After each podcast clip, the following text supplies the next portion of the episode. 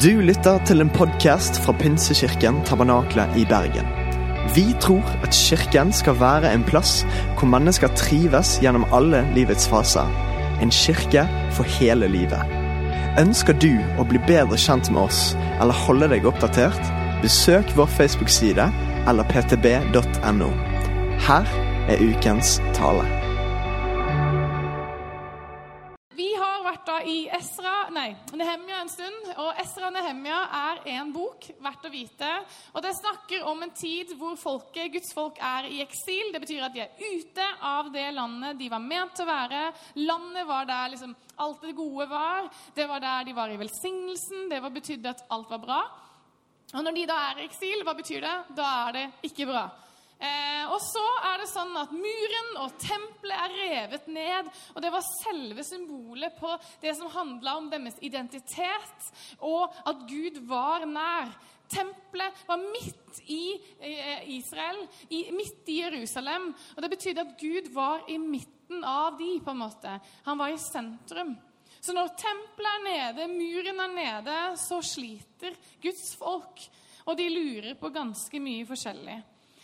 Og det som er, er at de er da tatt over av perserne. Og liksom perserne er de som styrer eh, mange av de som har dratt ut i eksil. De bor der. Eh, og problemet er bare at de skal jo egentlig være i Israel. Men de er ikke det. Men det fine her er at det er et eh, rike som eh, representerer trosfrihet, og de får lov til å utøve sin tro, men det er fortsatt ikke sånn som det var ment til. Det er fortsatt noe som ikke stemmer. De som er, eh, så er det sånn at En dag så kommer det da, som dere har hørt om de siste ukene, en, noen menner til Nehemia, som er en munnskjenk hos kongen Kyros.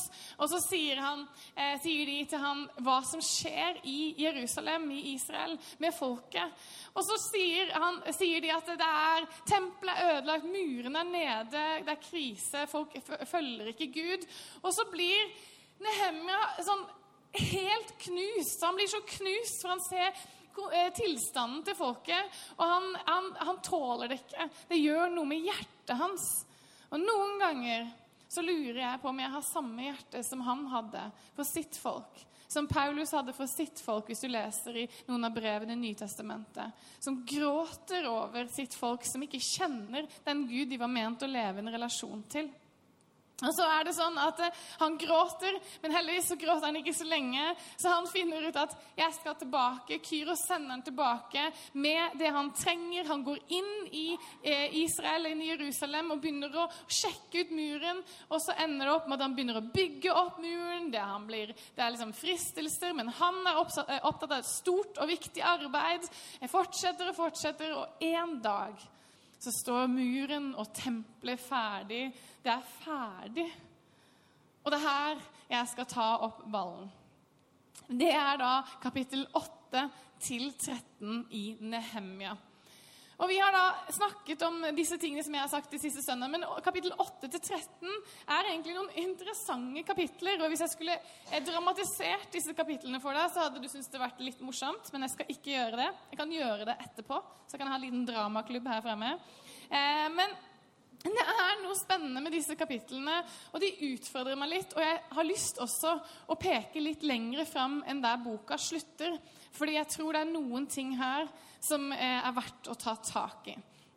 Ok, I kapittel 8-10 så ser vi noe om fornyelsen av pakten. Jeg skal gi dere litt sånn gjennomgang, og så skal jeg trekke noen tråder. Så bare følg med meg nå. Nå får du litt undervisning, Simon. Det er det du vil ha. Og vi leser fornyelsen av, at det er fornyelse av pakten, denne avtalen som Gud hadde med sitt folk, ok? som vi leser i Mosebøkene. Og I kapittel 8 så leser vi om Esra, som er presten.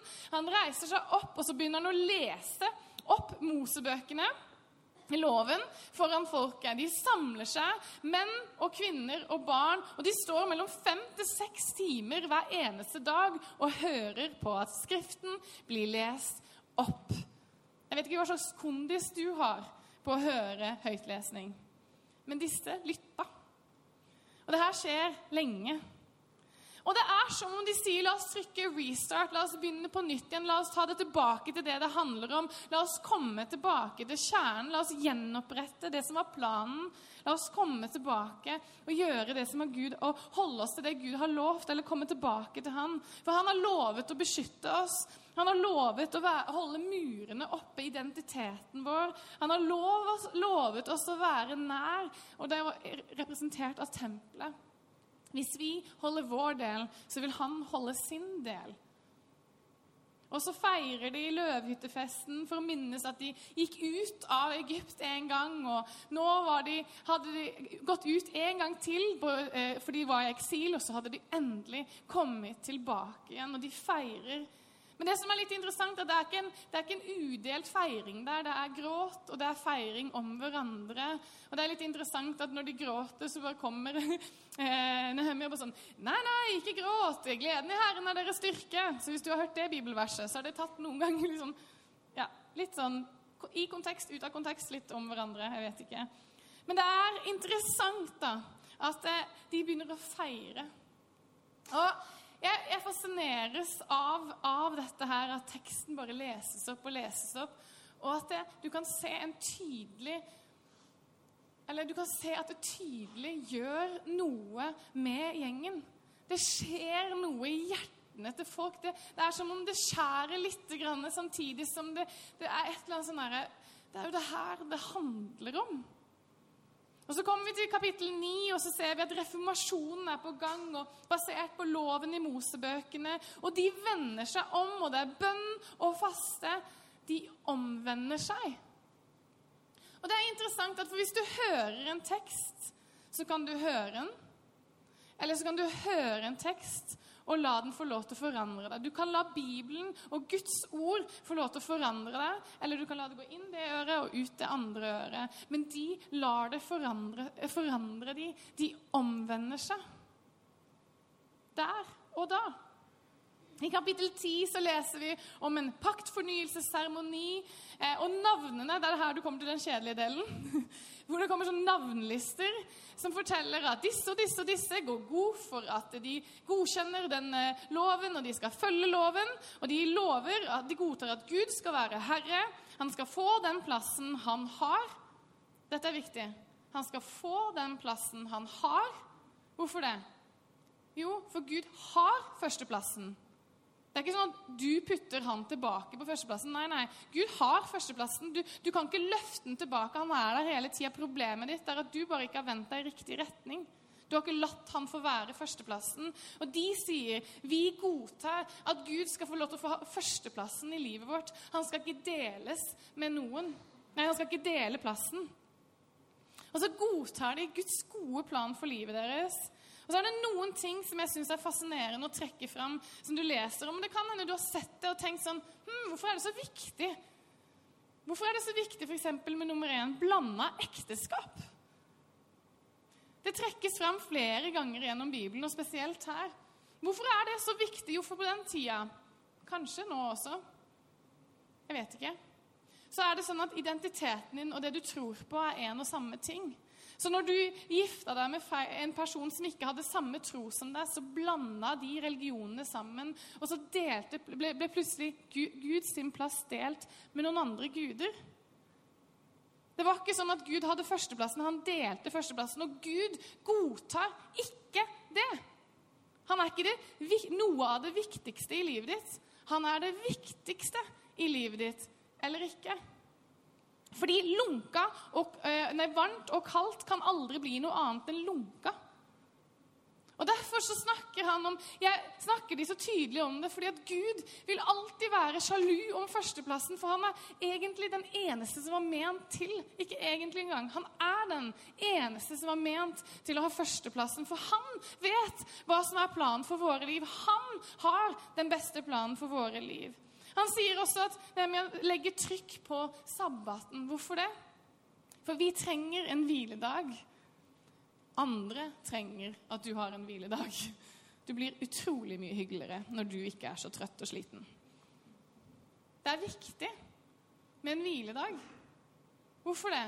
Du kan jobbe seks dager, men på den syvende dagen så skal du ha det rolig. Du skal få lov til å bruke tid sammen med Gud.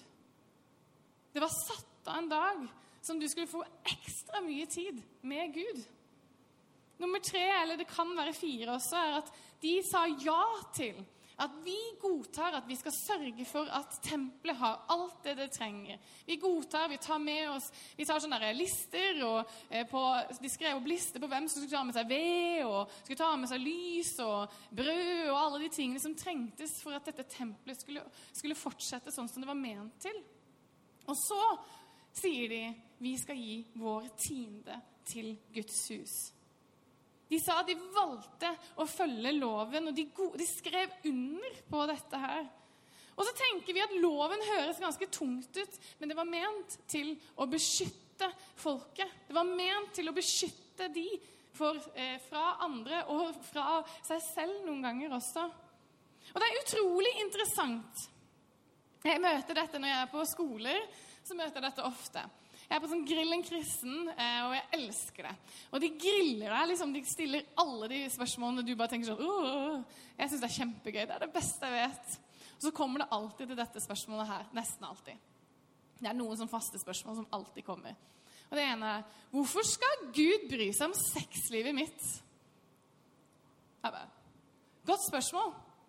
Og da bruker jeg svaret Hvorfor skulle Gud ikke bry seg om det? For Gud elsker deg. Han vil at du skal ha det beste livet. Og han har lyst til at du skal få lov til å oppleve ubetinga kjærlighet. Og så går jeg og fortsetter og fortsetter. Men loven er nettopp det.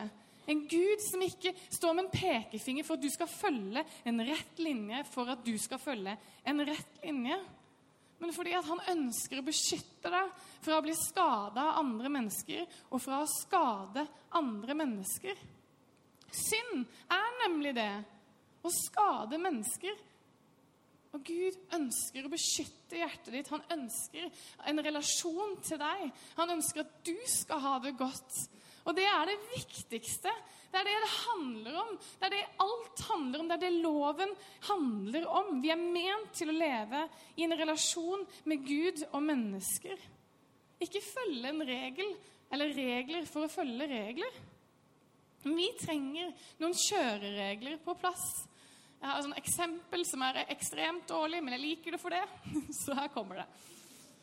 Når du er i dyrehagen Ok? Jeg har advart dere. Så er det sånn at eh, jeg er veldig glad for at det er et gitter eller en gjerde mellom meg og tigeren. Ikke så redd for at jeg skal angripe tigeren. Litt mer redd for at tigeren skal angripe meg. Noen ganger så er det godt at det finnes noen, rett, noen, liksom, noen ting som skiller. Noen ting som beskytter noen ting som tar vare på. Og sånn er det litt med loven. Guds hjerte som banker for oss. Som sier, 'Jeg elsker dere. Jeg har den beste planen for dere. Gi dere til meg.'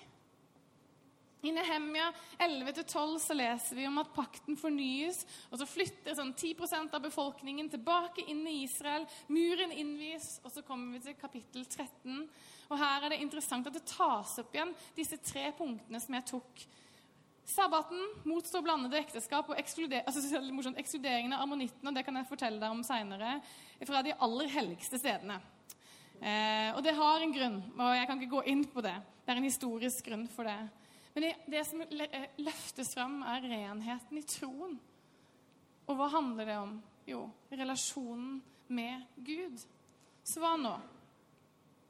Hva er det vi ser nå i denne teksten?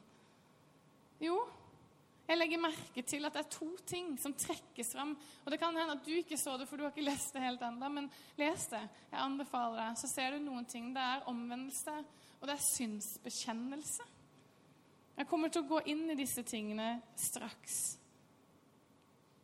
Men det er noe med at israelsfolk og jeg sa at jeg kom til å snakke litt om å peke litt framover, endte sakte, men sikkert å gå vekk fra Gud igjen.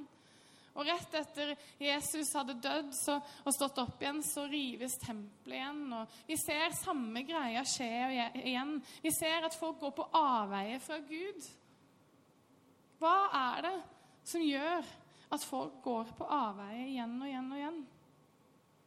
Jeg tror det er fordi at man likestiller noen ting i livet sitt. Jeg tror det er for at man putter Gud sammen med alt det andre på toppen. Det er noe av det viktigste i livet. Og jeg tror israelittene ikke hadde hatt en personlig reformasjon, en personlig vekkelse, en personlig relasjon til en gud, men de hadde en felles, kollektiv forståelse. Og kanskje noen av de hadde en personlig, men mange gjorde det som en sånn Nå har vi bygget, og vi er ferdige, og! Ikke sant? Man kan bli revet med. Men så går nå tida, og så glemmer man. Og så går tida, og så glemmer man å lese selv. Man glemmer å snakke til Gud selv. Det blir ikke en relasjon, det blir en, noe kunnskap om en Gud, ikke kjennskap. Så hvordan ikke havne på avveie? Jeg tror det er noe vi kan lære av. Hvordan ikke havne på avveier. Jeg tror vi trenger noen praksiser, jeg tror vi trenger noen ting i livet vårt som gjør at vi, når ting blir litt mindre spennende, eller når vi er ferdig og nådd det målet, eller hva enn det handler om, så har vi noen ting som står fast. For følelseslivet ditt når du kommer til Gud, kommer til å gå sånn her. Sånn i dag elsker du den, i morgen så er det sånn mm. eh, Altså det er noe med at vi trenger noen ting som bare er stabile. Noen ting som vi fortsetter å gjøre for å holde vår relasjon til Gud ved like. Det første er ordet. Vi trenger å la ordet bli en del av vår hverdag, en fast rytme. Bibelen må være en fast rytme, akkurat som det måtte det for israelitten også. Så må det være en fast rytme. Og så sier du nå syns jeg du presser meg litt. Jeg bare, ja, det gjør jeg. Fordi jeg tror at du trenger å lese noe hver eneste dag. For det står gi, meg, gi oss i dag vårt daglige brød. Og et daglig brød var ment til å være nettopp det. Daglig. Ikke noe, ikke noe som var ment til å være gårsdagens brød. Og Det er derfor det brukes daglig brød, for det er manna. Det er ment til å være dagsvers. Det trenger ikke å være så mye, men det trenger å være noe. Det trenger å være dagens bibelvers. Det trenger å være noe som gjør at du har noe friskt, noe ferskt, noe som er fra Gud. Jeg tror det vil holde hjertet ditt og relasjonen til Gud ved like. Vi trenger å fylles med hans tanker. Vi trenger å fylles med hans tanker om vår, vår, plan for livet. Han viser oss veien vi skal gå. Han viser oss hans hjerte for oss og for andre. Og så advarer han oss mot noen ting. Bibelen er som et trafikklys. Stopp, gå, vent. Den viser oss noen ting vi kan lære av andres feil. Det er deilig. Det er utrolig deilig å slippe å gjøre de samme feilene. Vi trenger personen Ordet, Jesus. Jesus ble Ordet. Han er Ordet. Og vi trenger Bibelen. Vi trenger å stå foran Jesus sitt ansikt og få lov til å kjenne Han. Ikke bare ha kunnskap om Han, men kjennskap. Det er ganske stor forskjell på kjennskap og kunnskap. Kjennskap er vennskap, det er en relasjon. Kunnskap er som har du møtt noen som sier sånn 'Jeg kjenner deg.' Og så er du bare sånn ja, 'Du kjenner meg egentlig ikke.' 'Jo, jo, jeg kjenner deg. Mammaen din gjør det, og pappaen din gjør det.' 'Og jeg vet at du gikk på den skolen.' Nei, du kjenner meg jo egentlig ikke. Var, det varer ikke lenge. Jeg, kjenner, jeg vet hvem pappaen og mammaen til Justin Bieber er også. Jeg kjenner ikke Justin Bieber. Skulle kanskje ha gjort det. Det hadde vært hyggelig. Men det er forskjell på kunnskap og kjennskap. Og så ser vi at ordet fører til omvendelse. Og hva er omvendelse? Jo, jeg går denne veien her, og så viser Gud meg noe. Å ja. Nei, det var den veien. Det er ganske enkelt. Men samtidig så er det utrolig vanskelig noen ganger. Omvendelse må føre til noen prakt. Det må få konsekvenser. Det må være en handling. Det kan ikke bare være sånn Jeg tror kanskje jeg omvender meg, men jeg fortsetter bare på den veien her. Nei, omvendelse er omvendelse. Det endrer måten du har gjort ting på før. Det er litt sånn som at du må daglig faktisk omvende deg. Det er ikke bare en ting du gjør én gang for alle. Nei, du daglig omvender deg. Akkurat som jeg daglig vasker meg. Og hvis du ikke vasker deg daglig, her kommer min anbefalelse. Vask deg daglig. Det samme med omvendelse. Bare tenk på det når du vasker deg om morgenen. Jeg må omvende meg, ja. ja. Det kan faktisk være litt deilig å bare tenke på det samtidig. Og Så ser en videre at denne vekkelsen varte ikke så lenge som vi snakka om. Og hvorfor det? Fordi omvendelse uten en relasjon til Gud er enormt kjedelig. Hvis du skal gjøre alle reglene, men ikke kjenne Gud, da vil jeg bare anbefale deg å ikke gjøre det. Det er virkelig ikke verdt å bare følge alle reglene til Gud hvis ikke du skjønner hvorfor Gud ønsker at du skal følge dem. Hvis du ikke skjønner at hans hjerte og kjærlighet for deg er enormt altså det, er, det, vært, det, er, helt latterlig. Det, det, er kjedelig kristendom. Det er bare moral. Jeg anbefaler deg ikke det. Det koster faktisk å følge Jesus litt. Du velger bort noen ting. Men du får så mye igjen for det. Du får en relasjon med en, en som kjenner deg bedre enn noen andre, som har en plan for livet ditt, som elsker deg til døden. Han elsker deg. Det er som det å kjenne Gud Jeg skal prøve å forklare, nei, å ikke kjenne Gud, men følge reglene, er litt sånn som Her kommer det noen gode eksempler. Torben er forelska i Martha for ca. tre år siden. Han gjør hva som helst. Nå finner jeg på litt. Bare legger på litt ekstra. Det gjør sånne talere. Eh, og han bare Han liksom kjøper masse greier. Han har egentlig ikke så mye penger. Men så kjøper masse greier. Han prøver å liksom få henne til å bli så forelska. Han gjør masse ting for henne fordi han er så forelska i henne. ikke sant? Men det å kjenne Gud eller det å ha moral og være en god kristen uten å kjenne Gud, er litt som, som om Tobin skulle gjort de samme tingene han har ikke gjort det, altså. Men skulle gjort de samme tingene for en eller annen random person i Japan. Det er liksom ikke, Du får ingenting igjen for det, og så bare betaler du masse. Meningsløs. Er du enig? Mm, ok, Jeg skal prøve et nytt eksempel. Du betaler for en ferie, en opplevelse du aldri får oppleve. Kjipt. Dumt. Du vet når du har kjøpt en flytur du ikke kunne ta. Du kjøpte feil vei. Ja. Eller hør på den her. Det er som å spise vegetarkebab. Den funker hver gang. Altså, vegetarkebab Poenget med kebab er jo kjøtt. Nettopp. Å kjenne Gud er som å spise en god kebab. Nei da, det er mye mer enn det. Men det er faktisk the real thing. Det er det ekte du har lyst på. Du har ikke lyst til å bare følge noen regler. Det funker ikke. Loven i våre hjerter, relasjonen til Gud, er poenget. Andre, mitt andre punkt er synsbekjennelse.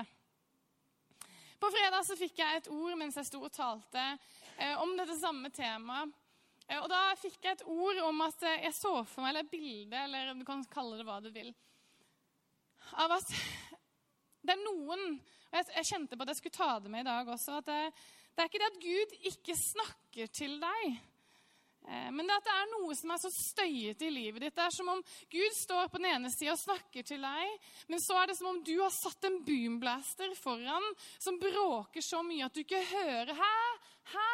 Du hører ikke hva Gud sier, for det er så mye støy imellom deg og Gud. Det er ikke at Gud har slutta, det er ikke at Gud har snudd seg, men du har putta noe imellom. Det er noe som får så stor plass i livet ditt. At du ikke klarer å skille hva han sier, og høre det han prøver å si til deg. Han har ikke stukket av, du har bare hodet altfor fullt. Og jeg opplevde det at det er noe synd som bekjennes, og du bare tenker å, er ikke det litt voldsomt å snakke om, Sandra? Når du snakker om omvendelse, skal du virkelig begynne å snakke om synsbekjennelse? Det høres veldig voldsomt ut. Jeg skulle ønske jeg bare var ute og grilla i dag. Men synd er det som skader relasjoner.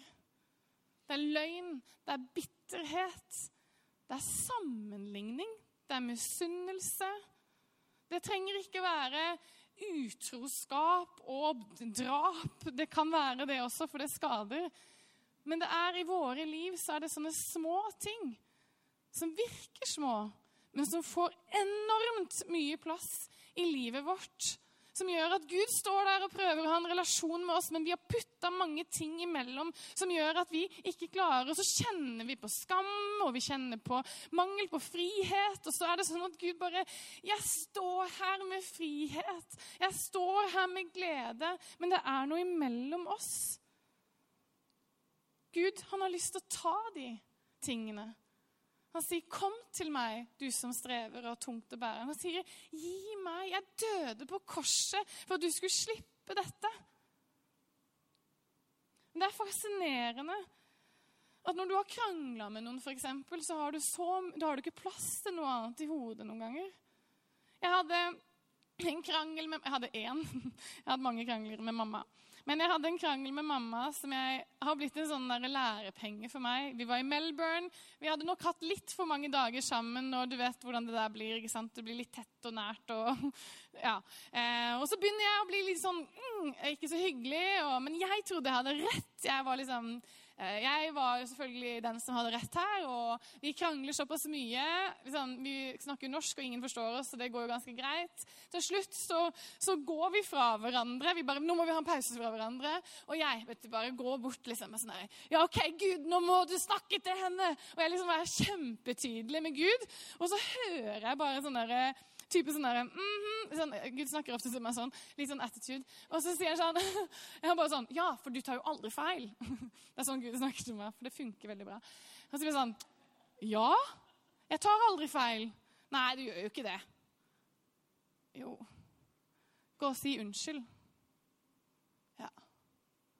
Og så bare Nei. Ja. Nei. Og så til slutt bare Jo, det stemmer. Jeg går og ber om unnskyldning. Det er noen ganger sånne ting skaper så mye støy for at Den hellige ånd Og jeg tror hvis du lener deg inn mot Gud og faktisk lar ham få snakke inn i livet ditt, så vil han vise deg hva som er sant, og du kan få lov til å bekjenne synden din. Og det er et eller annet med Når jeg kommer og ber om unnskyldning, så slipper noe taket i meg. Det virker så stort, men er egentlig ikke så stort. Vi trenger å bekjenne synd til Gud og til mennesker. Vi trenger å få lov til å kjenne at vi blir at vi får lov til å holdes ansvarlig av noen mennesker rundt oss, ikke bare av Gud. Sånn at vi ikke løper mot de fristelsene igjen og igjen, og igjen, sånn at de ikke får lov til å binde oss sånn som de så fort kan gjøre. Det står i Hebreerne 12, 1-2. Derfor, når vi har en så stor sky av vitner omkring oss, la oss legge av oss alt som tynger, og synden som lett fanger oss inn, og med utholdenhet fullføre det løpet som ligger foran oss, med blikket festa på Ham som er troens opphavsmann og fullender Jesus. Blikket festa på han. La oss legge fra oss. Og Jeg syns det er fascinerende når vi snakker om Argentina, at bibelskoleelevene sier på en av de siste kveldene Det er som om jeg hører Gud mer her. Jeg bare Og da kommer Sandra litt sånn der, Jeg kom, snakker om meg sjøl i tredje person. Kommer jeg litt sånn derre Ja, det kan hende, hvis du hadde bare lagt fra deg mobilen din litt mer, så hadde du hørt litt like, like mye om fra Gud i Norge også. Det er bare det at eh, du har ikke internettilgang, eller liksom, det funker ikke å bruke mobilen i dette landet her omtrent. Kanskje hvis du hadde bare lagt den fra deg litt og lytta litt inn, så hadde det ikke vært så mye støy. Og du kunne få høre Kanskje hvis du hadde faktisk gått og bedt om unnskyldning til den ene personen. Kanskje du hadde bedt om unnskyldning til Gud, så hadde det fått slippe taket. Og du hadde ikke hatt så mye støy i livet ditt. Et par andre ting som, som vi, jeg ser her, er sabbaten, og det snakka jeg om. Jeg tenkte jeg skal ikke snakke noe mer om det. En fridag. Og det, andre, det fjerde er fellesskapet. I kapittel 10 så står det ikke ikke forsøm fellesskapet eller Guds hus. Ikke svikt Guds hus. Hva betyr det? Jo, det betyr at fellesskapet trenger deg, og du trenger fellesskapet. Dine, din tid og dine penger likestilt. I kirken så feirer vi sammen. Vi deler liv sammen. Vi hører hva Gud gjør i andre sine liv. Vi deler hva Gud gjør i våre liv. Og vi minnes om hvem han er, og vi tilber han. Og jeg synes Det er fascinerende at vi tenker noen ganger at vi må løfte Gud tilbake til førsteplassen. Og vi må løfte den høyt, fordi han trenger å vite hvem han er. Altså, sånn, Jeg skal fortelle Gud hvem han er. Det er det som er tilbedelse. Men så kan man lure seg sjøl litt og tenke at han ikke visste at han var på førsteplassen, og at ikke han egentlig vet hvem han er. Litt sånn Å ja, er det det jeg er? Styrke og glede og fred og Nei. Gud vet jo hvem han er. Det vet jo vi også. Vi trenger å løfte den opp. Han er ikke tung. Men vi kan få tilbe ham og løfte den høyt fordi det gjør noe med oss. Vi minnes om hva han, hvem han er. Når vi forteller sannheten, så skaper det noe i dette rommet. Så når du tenker at det ikke betyr noe å synge sammen her, så har jeg lyst til å si det. Det betyr noe. Du skaper noe i dette rommet. Du sier noe ut, og det skjer noe når orda kommer ut. Ord skaper. Det skaper tro i deg, og det skaper tro i andre. Og du minnes hvor stor Gud er, akkurat som vitnesbyrd. Du minnes om hva Gud har gjort før og han kan gjøre det igjen. Og Det er derfor det står når de møtte sammen, at de brukte å fortelle hva Gud gjorde, og hva Gud hadde gjort. Og hele kapittel 9 handler om det. Det handler om at Gud sier, uh, de sier om Gud du gjorde det, og du gjorde det, du gjorde det, og du gjorde det. Og du kan gjøre det igjen. Det som er deilig, og som er forskjellen på oss og israelittene på den tida, er at vi vi er ikke som foreldreløse barn. Jesus drar opp til himmelen, og så sier han, 'Jeg gir dere Den hellige ånd'. Dere har noen som peker på Jesus.